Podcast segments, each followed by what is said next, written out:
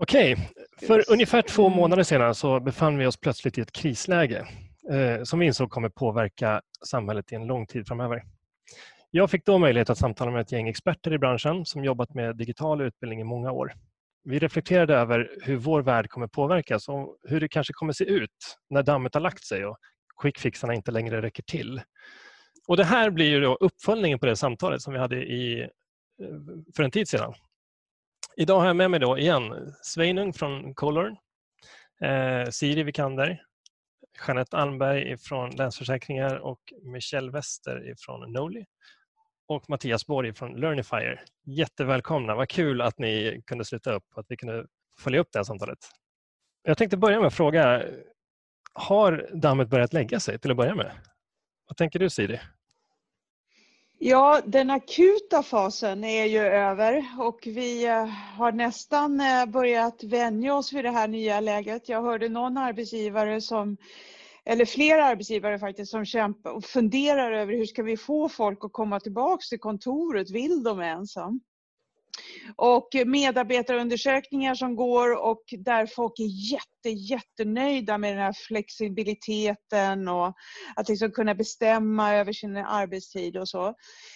Så att jag tycker vi är över den akuta fasen. Eh, del ett kan man säga. Vi har varit jätteduktiga på att anpassa oss. Vi har testat ny teknik. Men vi är och skrapar på ytan. Vi gör inte riktigt liksom djupanalysen för att få den där riktigt stora effekten och förflytta hela organisationer än. Mm. Så att det, det, tror jag kommer mer till hösten. Men det första har lagt sig. Ja, men det är väl så, det kanske har börjat lägga sig. Vi börjar eh, kollektivt reflektera över det här hur kommer det funka på sikt då? Mm. Och börja planera lite grann. Vad kommer vi behöva förändra och hur, hur kommer det behöva se ut? Det är spännande att se. Kul att få höra era reflektioner också, Sveinung och Michelle. En, en liten eh, reflektion är nu när jag tittar på er. Ni sitter ungefär i samma miljö som sist. Sist när vi pratade så, så fick Jeanette tvingas hoppa in på telefonlina. Mm. Och nu sitter du liksom i, i studion på Länsförsäkringen. Du har levlat nu alltså? Ja, jag har levlat. Absolut. Hur, eh, får jag börja med en fråga? Är det en tillfällighet eller har det, är det en bidragande faktor att vi faktiskt har genomgått en, en omställning? Att du sitter där nu eller hade ni den på plats redan innan? vi hade studion på plats men den var ju definitivt inte fullbelagt eh, när, när vi gick in i det här. Men i dagsläget så skulle jag säga att vi är ju här så många timmar vi bara kan under dygnet för att behovet av, av vår hjälp och vår studio har varit eh, enormt stort hos oss. Eh, och vi har också passat på, jag tror att jag var inne på det förra gången vi pratade om också, att inte bara tänka quick fix utan att bygga lösningar som faktiskt är hållbara även när dammet har lagt sig. Vilket har gjort att vi har, har verkligen levlat upp och använder studion mycket, mycket mer idag än vad vi gjorde inledningsvis. Mm. Absolut. Mm. Det om man refererar till det Siri precis eh, sa, hur, mm. hur, känner du att det påverkar? Är det så att ni är mitt, är det snarare så att dammet börjar virvlas upp nu för det börjar bli så överbelastat? Definitivt. Eh, det är, eh, vi har ju haft lite tur med det här att vi har fått ett större intresse och eh, man har också sett att det är ett ganska bra medel att, att använda inom lärande. Att um, jobba mycket mer med, med digitalt och med bild och med ljud och sådär. Det jag däremot är lite orolig för, för att koppla tillbaka till det Siri pratade om, det är det kostnadsperspektivet i det här. För att man ser ju nu, precis som du sa Sira, att många är rätt nöjda med att sitta hemma. Man slipper åka hit. Vi behöver inte komma in på klassrumsundervisning etc. etc. Men samtidigt så kan vi inte riktigt utvärdera effekten av lärandet i, i det vi gör idag. Och det tror jag är en viktig sak som vi behöver ta med oss i att ja, men är det good enough när det väl har lagt sig? Kan vi fortsätta så här? Är det någonting vi behöver utveckla? Och är det så att det bara blir fokus på att det är lägre kostnader? Det tror jag kan bli en liten negativ effekt av det här som händer just nu. Som oroar mig lite faktiskt. Ja, verkligen. Det, här, det tycker jag är jättespännande. Jag hörde dig Michelle prata om, om det här med när ni har hjälpt kunder nu att eh, ställa om från lärarlätt till digitalt. Mm. Så det är klart att det finns en kostnadsaspekt i det men i det, den här omställningen vi har gått igenom nu har ju verkligen inte kostnaden varit drivande. Utan det självklara behovet att vi måste lösa problemet på distans. Yes. Jag har också hört reflektionen kring och vissa saker är faktiskt bättre. Eh, det finns såklart ja, det är svårt att utvärdera helt färdigt, men, men om du delar lite erfarenhet vad du tänker, bortsett helt och hållet från kostnadsfaktorn? Jag tror på något sätt att det är det vi kommer landa i. Om vi än mer tittar lite framåt i att dammet på riktigt har lagt sig och vi, vi pratar ibland om att hitta tillbaka till ett normalläge. Jag brukar försöka säga det som ett nytt normalläge. Där mm. tycker jag inte att vi är ännu, men i det nya normalläget så tror jag mig se lite att vi har, vi har börjat lära oss ah, de här aktiviteterna som vi kanske tidigare avsatte fysiska möten eller ett klassrumstillfälle för. De gör vi ju väldigt mycket bättre i den här miljön virtuellt. De tror jag vi kommer fortsätta vilja göra det, men jag tror också vi nu tydligare ser ah, vad värt det var i den här situationen att få det fysiska mötet och att mm. få det här utbytet. Och det saknar vi. Det längtar vi tillbaka till att göra. Jag hör mycket liksom så här, vi, vill, vi tror att vi kommer skapa olika hybridversioner av våra utbildningar framgent där delar av det består av virtuellt, delar av det består av fysiska möten. Och det är väl så jag också ser mer och mer att det nya normalläget kommer att hamna där, där vi mer arbetar med ja, men, rätt typ av aktivitet för rätt typ av jobb som vi vill åstadkomma. Ehm, men jag tror vi har, vi har ett litet tag kvar innan vi befinner oss i det nya normala om man får säga så. Vi bestämde igår till exempel att vi kommer genomföra alla utbildningsinsatser som, som vi kör nu till hösten virtuellt.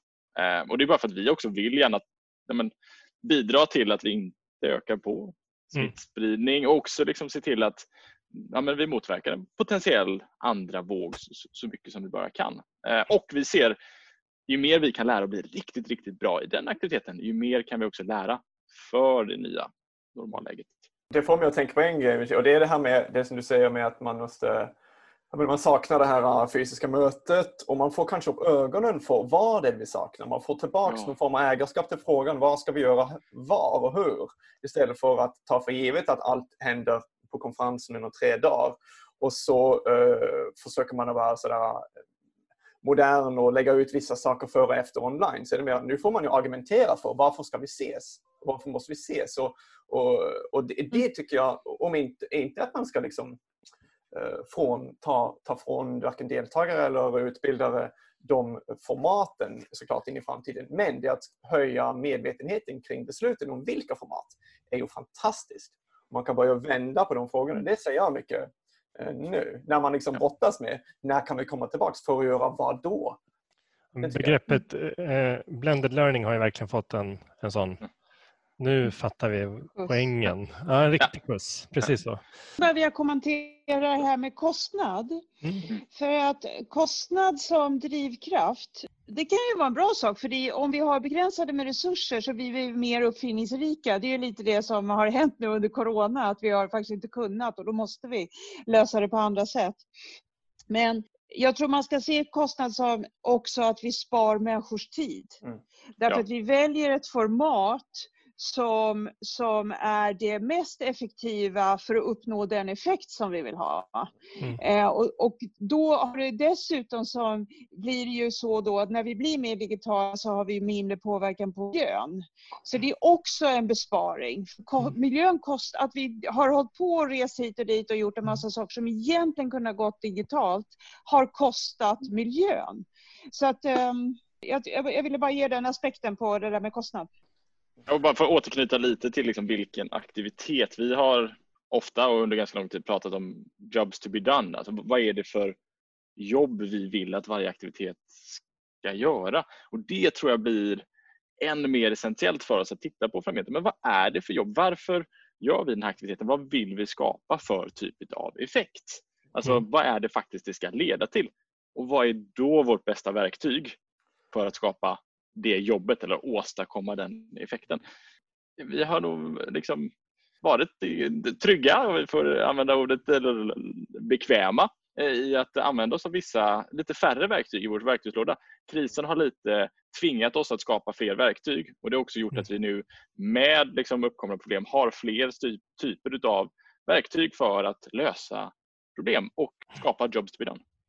Och vi har inte bara fler verktyg, vi har också kunnat liksom påvisa effekten av att använda de verktygen. För det tror jag är nästan det ännu viktigare, eh, mm. Michelle, att, att ja. vi har verktygen men i med det vi har gjort nu under de här veckorna så har vi också kunnat visa på effekten att det är lika bra som att köra Exakt. åtta timmar i klassrum eller det är lika bra som, som ett Ja. annat alternativ. Så Yes. Jag tror det är en stor fördel att, att vi har köpt, köpt oss lite tid men också eh, ja, att vi har fått ja, man förstår att det Ja. finns effekt att hämta. Både när det Ja. gäller miljö, kostnad, pengar, eh, tid etc. etc. Så, Verkligen. Kan man säga att den här verktygslådan, vi har ju quickfixarna, det är ju att eh, vi, vi har löst liksom kommunikationen, vi har löst eh, hur vi får ut kunskap. Men det vi kanske inte har hunnit med, det är uppföljningen. Är, jag har inte sett så många fler verktyg för uppföljning och datainsamling på det sättet. Eller har ni sett exempel på, på, på det? Jag, Nej, jag tycker att- den förflyttningen som, som jag har sett är mer att från början så var vi väldigt mycket sändning. Mm. Så Mm. det jag tycker vi är på nu är att försöka skapa mer intaktivitet. Så att inte folk sitter och somnar vid datorn. Utan liksom, eh, att de faktiskt är med, att man utgår från deras utmaningar, att vi provar olika sätt att liksom workshoppa eller bara svara på frågor i chatt och sånt där.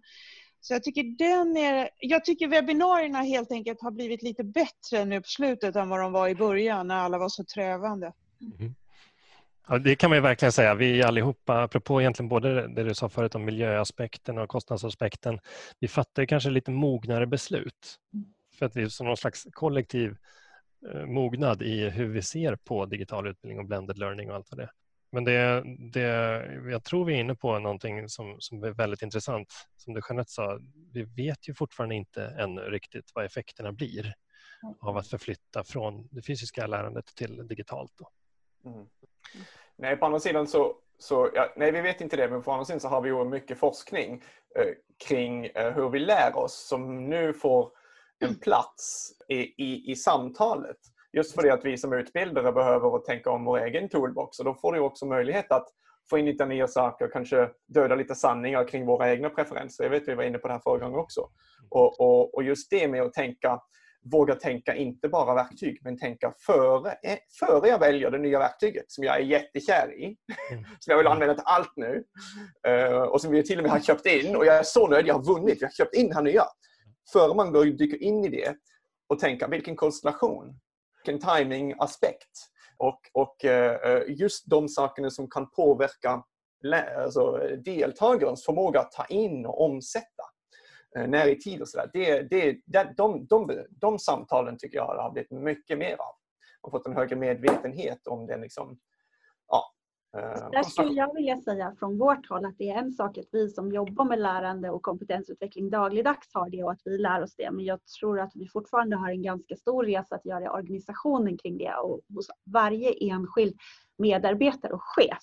Mm. Och den insatsen ska man inte heller förringa utan jag tror att det är smart i det här läget att faktiskt lägga lite extra krut på att faktiskt lära ut kring lärande i organisationen så att man gör hela organisationen och alla medarbetare och framförallt chefer mer mogna i det här. Därför att det ställer också helt andra krav på chefer att stötta medarbetare i den här typen av lärande. Och det ställer också krav på medarbetarna i att, att vara mer aktiva. Eh, Vi pratar mycket om före, under, efter. Det kanske är ännu viktigare här att inte bara vara förberedd på att man har gjort föruppgifter utan också teknik. Hur ska jag, hur ska jag känna mig trygg i det här klassrummet i förhållande till vad jag gör i ett fysiskt klassrum etc. etc. Och där Mm. tror jag att en pusselbit till att lyckas och få det här hållbart, det är att lägga lite extra krut just nu på att, att lära organisationen om lärande och visa Mm. precis den här forskningen som du pratar om. Ja, det, det, det är något som... Ja, kör Lucy. Nej, men vad jag skulle säga var att en er, det här kring att lära sig saker. Vi, har, vi som jobbar med lärande, vi vet ju, och jag har läst forskning och sådär, att det här med tid för reflektion Mm. och lite det du var inne på Joel, alltså utvärdering, är en väldigt viktig del av lärande. Men nu när jag under tre månader har suttit hemma och jobbat och fått bara helt lägga upp mina arbetsdagar som jag vill, då lägger jag ju upp det, upptäcker jag då att jag lär mig, jag gör något och så, så reflekterar jag kring det, tar en promenad, gör någonting som, som är liksom sitt, ja, bara gör någonting annat. Mm. Och sen tillbaka lär mig. Så att jag väver in det av mig själv. Och den inlärningskurvan jag har haft de här sista tre månaderna, det slår allt som jag har varit med om innan. Och det är den här kombinationen av att jag gör och, och reflekterar och har tid att reflektera som Mm. gör det, tror jag. Jag håller med. Ja, det, jag vill lägga till på det, för det har vi sett mycket tycker jag. Det är att, eh, det finns, eller jag upplever att det finns en förväntan på, från deltagare också att det ska hända något och de ska säga något hela tiden under en livesändning.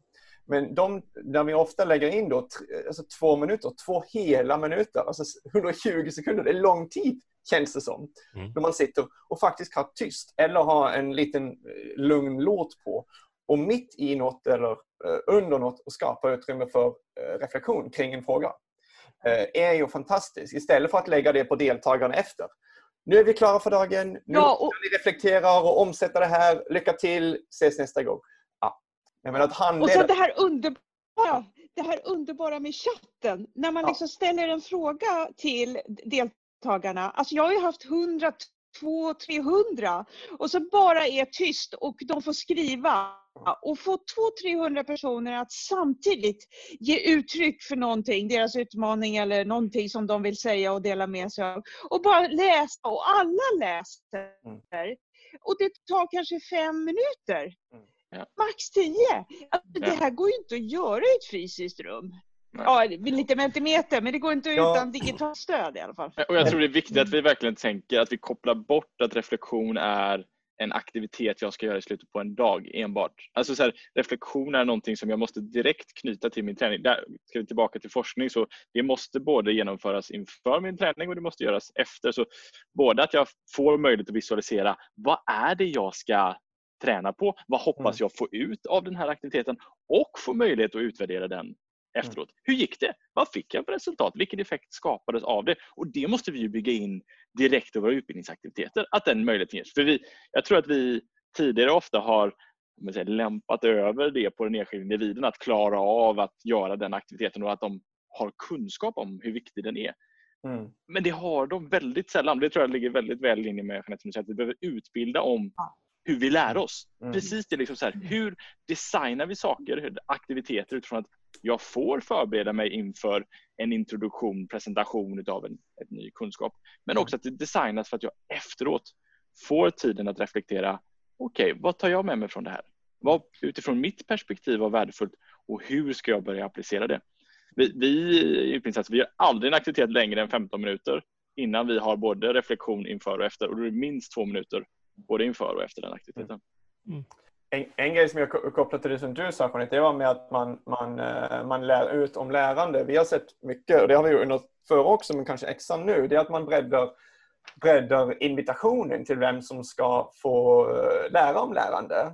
Att man får, man inviterar ledare som då är ja, accidental educators, om man ser på den moderna ledarrollen. Uh, att också få den här upskillingen när det kommer till men vad är det vi vill och vad är det vi bygger på och vad är det vi vet om hur det här funkar när man, när man har de tekniska möjligheterna och kanske förväntningar på sig att integrera i vardagen och in i flödet och använda samma verktyg. Så det har vi sett många som, som liksom vill, vill ge sina ledare, ledare ett, eh, bredare gruppen kompetens inom lärande och vara med och forma lärandelösningar. Vi har kört eh, öppna webbinar under de här veckorna kring lärande just och de är mm. helt öppna så vem som helst kan delta och det har varit ett enormt intresse och det man ser efteråt är att att det kommer mycket reflektioner, det kommer mycket input, det kommer mycket kreativa idéer från alla möjliga håll. Ja. Från människor som vi aldrig hade eller har haft kontakt med tidigare. Så det finns ett enormt intresse också. Jag tror att ju mer sånt vi kan göra, desto mer vi kan lära organisationen om lärande, desto mm. större effekt kommer vi få oavsett vilket sätt vi väljer att, att driva kompetensutvecklingsaktiviteter. Absolut. Och nu, och nu har vi människor som befinner sig i situationer som är helt nya för dem, där man aldrig haft ett så stort behov av att lära sig nya kunskaper, eh, moment eller skills. Liksom. Så mm. Jag tror att vi, jag själv har känt det liksom vid så många tillfällen, åh det här vill jag bli bättre på, det här behöver jag nu lära mig och det känner ju alla inom våra organisationer för det är så mycket nya situationer, miljöer och annat som vi hamnar i. Så att alla dyker nog på just det här behovet av att lära bättre och lära effektivare. Mm. Sen tror jag så att när man, när man sitter hemma och jobbar nu så tycker jag det är många som vittnar om att man umgås mest med sin egen arbetsgrupp och sin egen avdelning. Och inte jobba så crossfunktionellt som vi faktiskt var på väg att lära oss att göra inför Corona. Eh, och, och de här stunderna ni vet i kaffemaskinen, man hugger någon i lunch, liksom personalrummet och bara ställer en fråga, det har försvunnit. Och då tror jag att sådana här webbinar kan vara ett sånt, ett sätt att komma åt det där crossfunktionella samarbetet när man liksom gör en öppen inbjudan och man får komma in och höra vad jobbar de andra avdelningarna med, vad har de för utmaningar och vem borde jag liksom ta kontakt med utanför min egen grupp nu. Mm. Kan man säga så att det har i och med att vi har levt lite isolerat under en period så har fokus hamnat lite mer på min egen utveckling. Att, att det är naturligt. Jag, jag känner själv att jag har lärt mig så otroligt mycket och jag har sökt kunskap som har gynnat mig ganska mycket. Men har vi tappat bort teamlärandet på något sätt? Var det det du tänkte? Var det så du menade Siri? Mm, det är en intressant tanke. Den kan säkert stämma. Mm.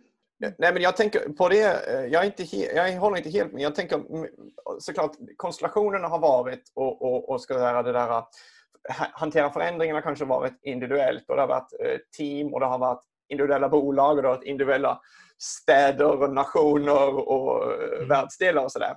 Men jag upplever att det vi, har pratat, det vi faktiskt har pratat om har varit hur ska vi maxa det här gemensamma? Då ska vi använda de här digitala möjligheterna mm. och göra beteendeförflyttning som gör att vi mm. kommer längre fram när vi kommer tillbaks nu. Så, mm. Sen om vi kanske har pratat i en mindre konstellation, så det vi har pratat om har varit att ta ett steg in i mer connectat, mer integrerat, upplever jag. Mm. Vi, vi, är överens om tror jag att, att det här att lära ut om lärande, det har blivit som ett, ett tydligt behov som har växt. När jag tänker på det begreppet eller hur, hur vi pratar om att lära ut om lärande så är det lite olika kategorier. Det ena är liksom learnability. Det är min egen förmåga att lära. Eh, och sen så, så handlar det om att lära organisationen om hur funkar lärandet och vad är före, under, efter och vad säger forskningen och allt. Och så kommer en tredje kategori där, eh, där jag har jobbat mest kanske genom att hjälpa våra kunder att bli mer självgående. Att skapa utbildning som funkar. Eh, och I vissa fall är det att eh, digitalisera en lärarledd utbildning, flytta över till webbinar. Men i många fall, för min del, så har det handlat om liksom, så här filmar du med mobiltelefonen. Vi skickar ut en mygga och sen så kan vi faktiskt filma på distans via en Zoom-inspelning eller liknande. Eller, ni har ju artiklet RISE. Hur funkar det? Och sätta upp lite mallar och hjälpa dem att skapa learning-innehåll då. Jag, jag vet inte, det, här, här har vi massa olika komponenter. Eh, jag tror att vi har fått jobba väldigt intensivt under några månader med det här och, och det intressanta blir ju hur ser det ut i höst nu? Vilka behov kommer vara störst? Är det det individuella lärandet eller är det att skapa utbildning? Eller är det att lära organisationer om hur vi gemensamt jobbar med lärande som fenomen? Så. Om jag tar till, till dig Jeanette, vad... Eh, det beror lite på vem du frågar. Från organisationens perspektiv, i vårt fall så handlar det mest om att skapa lärande. Om, om den här situationen fortgår så, så har vi ett hundratal olika typer av utbildningar som bara måste gå under hösten för att, för att vi ska kunna vara alltså leva upp till dessa regelverk som, som hänger över oss. Eh, och då mm. finns det ju ett otroligt tryck från organisationen att bara skapa det här. Och det är lite det jag menar, jag ser en mm. farhåga i att man tar det och så bara skapar man en klassisk e-utbildning och så tycker man att man har löst problemet. Eh, ja, i, ett, I ett fall blir väl ni en, också en, en, en ni servar organisationen. Ni har en ja. ganska, ganska så bra kapacitet ändå. Ja, vi har en bra kapacitet men från vårt håll eller från mitt håll så har det varit jätteviktigt att parallellt med det här verkligen eh, medvetandegöra hur vi ska jobba med lärandet, bygga en lärandekultur, att bygga människors lärförmåga. Att visa varför det är så otroligt viktigt och varför vi inte bara kan fokusera på formatet mm. kring lärande. Och jag, och jag tror att eh, vi har lagt jättemycket resurser på det i vår grupp, att, att vara ute och prata. Vi pratar om det i alla forum vi kan, så pratar vi om lärandet och vi försöker liksom inleda alla våra utbildningar med att prata om lärandet. Vi har förmöten inför en utbildning för att prata om hur vi lär eller hur du kan hur du kan öka din lärförmåga. Vi har möten med chefer etc. etc. Jag, jag ser en risk i att bara fokusera på liksom, eh, content, att stoppa innehållet i något nytt format och hantera det så. Och det är den jag är lite stressad och orolig för. för att för frågar organisationen så är det självklart huvudsyftet. Men från vårt håll så kanske, ja det är jätteviktigt, men det är minst lika viktigt att få med de här andra delarna också. Så jag, jag tror att du behöver jobba med alla de där tre pusselbitarna ihop. Det är en liten kvalitetsfråga också, eller hur? För när ni levererar så blir det liksom en hög kvalitet för ni har kompetens och har jobbat ja producerat utbildning. Ja. Det jag har sett mycket från eh, kunder som inte kanske har den kapaciteten att, att serva och skapa utbildning centralt och skicka ut till en organisation. Där har fokuset legat mer på att inte bara lära sig om lärande utan lära sig hur man lär ut. Mm. Och att ämnesexperter i mm. sin tur har fått äga innehåll och skapa innehåll i mm. större utsträckning. Mm. Jag, tänker, jag... jag tycker, jag, det här, du och Mattias har pratat ett par gånger om just detta. Jag tycker du är väldigt duktig på det här området. Jag hade jättegärna hört lite mer dina tankar och idéer just kring hur kan vi utveckla hur vi lär oss. Jag fångar väl upp två saker. Det ena tycker jag är det här med att uh, distribuera ut. Vi propagerar väldigt mycket för det. Just här ämnesexperterna, lyft fram dem. Uh, sätter ett verktyg i handen så att de kan få ut det. Sen så är ju det Eh, såklart i den här dimensionen att eh, bara sätta ihop en videofilm är inte alltid så bra lärande kanske, utan det ska till en kompetens till Där Där tycker jag att där finns det ju jättemycket att göra, men det känns mer som en, en gemensam på något sätt någonting alla skulle jag säga behöver lära, lära sig. Eh, vi brukar ofta prata om att lära ut det bästa sättet att lära sig själv. Och då måste man ju också få kompetens för att hur lär jag ut det? Eh, så att eh, jag, jag skulle säga att det, jag tar tillbaka det lite till den diskussionen. Den är så otroligt central. Dels hur lär jag mig? Hur lär jag ut? Sen tycker jag även den här dimensionen som jag var inne lite grann på just att Ja, det är möjligt att jag har lärt mig mer effektivt eller de jag lär mig något specifikt ämne med. Men just som organisation. Jag kommer ihåg när jag pluggade som, det var slut på 90-talet, typ, då var den lärande organisationen superhett. Det känns ju som att den på något sätt kommer tillbaks. Men jag tycker fortfarande vi känns ganska oerfarna många företag på hur det här egentligen ska se ut. Hur ser de där strukturerna ut? Hur ser det där ut i vardagen? Väldigt konkret. Eh, och jag, som, eh, jag tycker inte bli för långrandig med just de här, det man kan hämta från den agila världen med retron och så vidare. Ja, det är ett ex, extremt bra sätt av lärande, kan man få in det på fler ställen. Eh, men ja, där har jag inte så mycket svar utan mer frågor tror jag. Jag, vet inte om jag ser sådär jättemycket bra exempel här om jag ska vara ärlig. Det jag har sett lite som jag ändå tycker är intressant att ta upp är väl att jag upplever att vi börjar inse att kunskap eller det vi ska lära oss tar sig uttryck eller ska användas på olika sätt. Alltså när vi har en utbildning om någonting så ibland så är det att vi ska bara ha en kunskap om detta. Vi ska veta var kunskapen finns och kunna återkoppla den. Men i andra situationer så vill vi skapa en automatiserad vana och att det är olika taktiker som krävs för de två olika jobben. Det tycker jag jag börjar se en, en större förståelse kring att det, det är olika taktiker och verktyg vi behöver använda för att hamna i de olika typer av ja, men, slutdestinationer. Och det har vi, upplever jag, inte varit lika tydliga med tidigare, utan vi har sett att liksom, vi ska lära oss det här och allt ska på något sätt alltid uppnå till att det ska vara en automatiserad vana. Jag, den bilden har jag ibland fått. Nu upplever jag att vi är duktigare på att inse, att här är det inte liksom borsta tänderna aktivitet vi ska åstadkomma, utan här är det en vetskap om att den här kunskapen finns på den här platsen. Där finns det sen en, en checklista för dig liksom att, att använda dig utav. Så att vi använder rätt taktik för rätt typ av jobb. Det är någonting jag ändå upplever att jag ser mer och mer kopplat till det spåret. En, en grej som jag kommer att tänka på det är att man, eh, vi ser att eh, när man har, har behövt, eh, behövt bryta kanske bryta upp bilden av vad formellt lärande är och vad lärande är. De som är auktoriteter på lärande inom organisationen. Och så har de alla de här andra som lär sig, som jobbar också lite med lärande. I och med att man har fått brutit ner de där väggarna där så har man ju också fått liksom lyfta upp vad, vad, hur, vilka fack behöver vi ha? Och där ser vi eh, mycket att, att eh, det är viktigt att veta skillnaden på eh, när man ska fokus på att producera bra content och när man ska kanske stödja en medarbetare i att ta in det här genom reflektion in i vardagen och vilka möten vi har. Men när de här olika formella och informella ägarna av lärande möts i ett samskapande i en intern process där man säger nu måste vi lösa något. När man har ett, vi måste förflytta det här eller vi måste driva den här förändringen. Då kommer det massa nya lösningar upp och då, tänk, då, då, känner jag att vi blir lite fri från det här. Det här är den typen, det här är det aspektet och det här är det.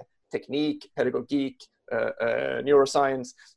Man, man, samlar allt det som finns inom företaget och teamet när det kommer till de här aspekterna och så skapar man lösningar på det. Där har vi sett mycket, att det finns massa liksom, cross-pollination inom en organisation. Mm. För att de kommer tillsammans kring frågan.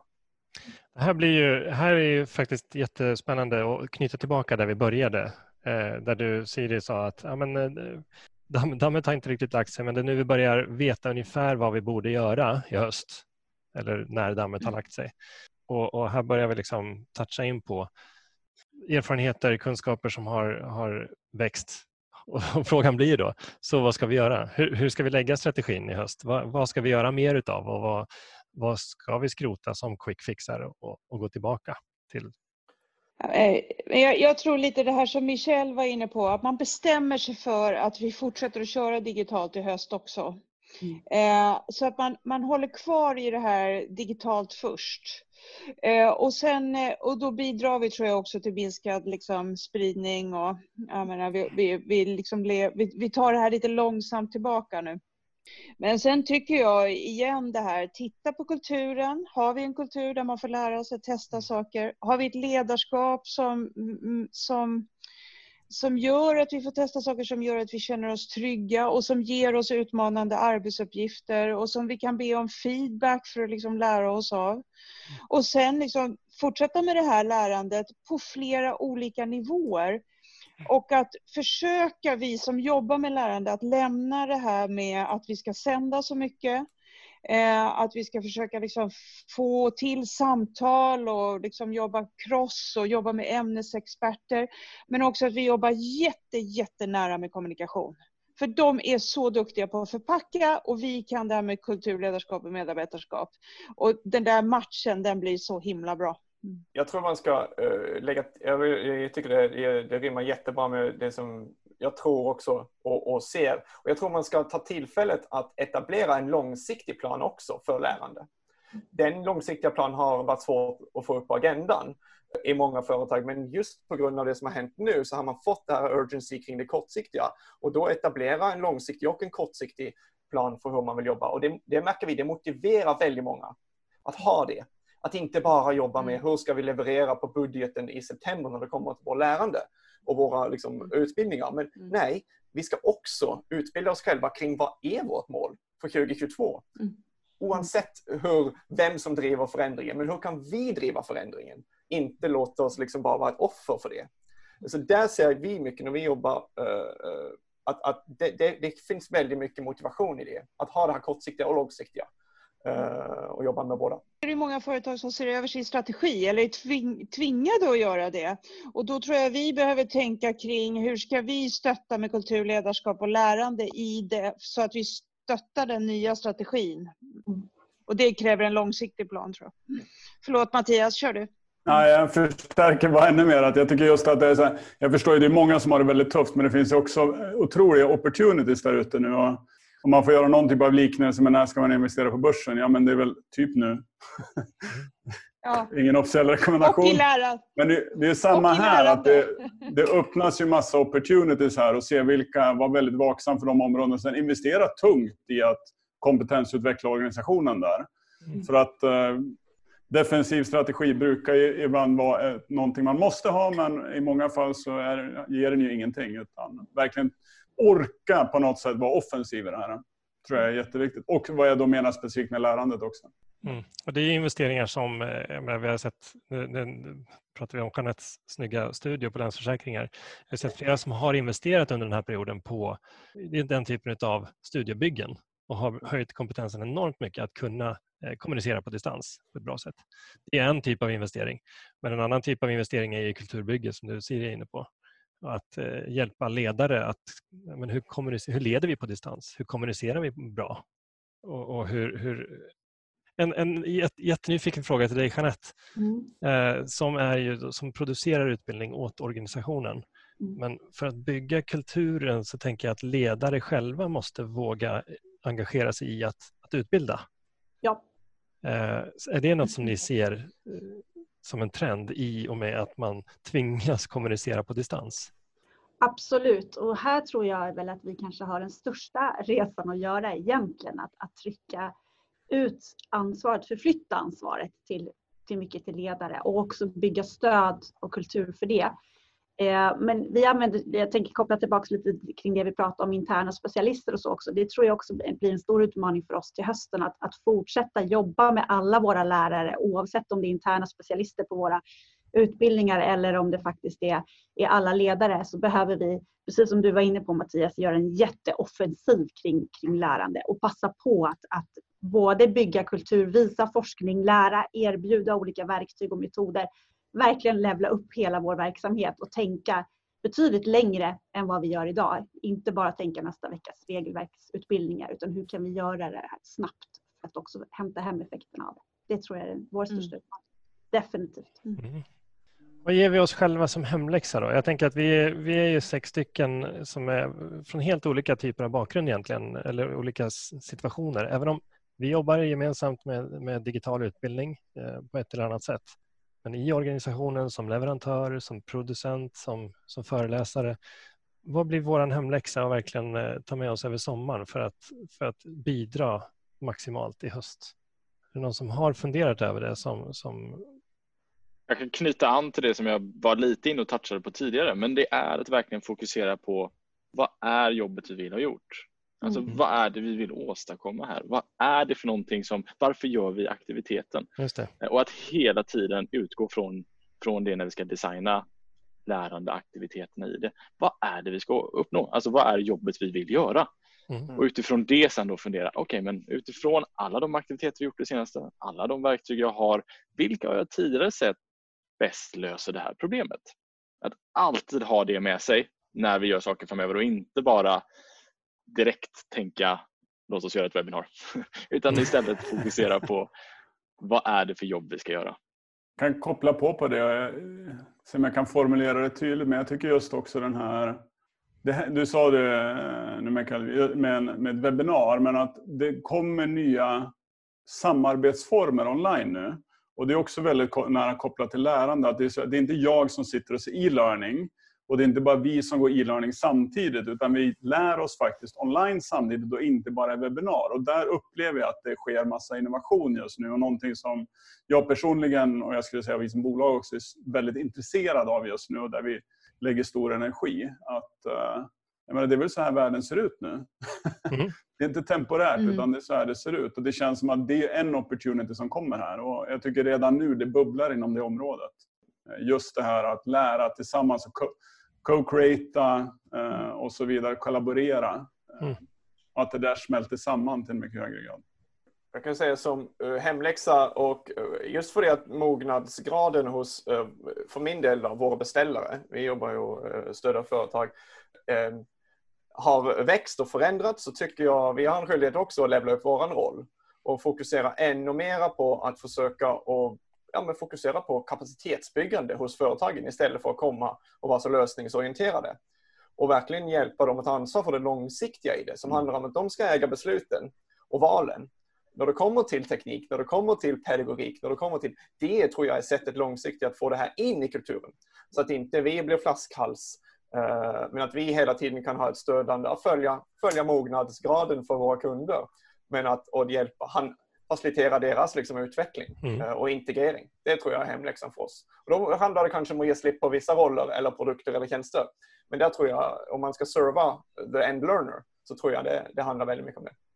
Att fortsätta liksom, hålla kompetensen på en hög nivå helt enkelt. Hålla kompetensnivå men också våga släppa taget och kanske designa ut sig själv från ekvationen i, mm. i, i kundrelationen. Och, så, och, och bygga en, en, bra, en bra relation så att när de har nya utvecklingsbehov och, och man ligger i framkant så kommer de tillbaks.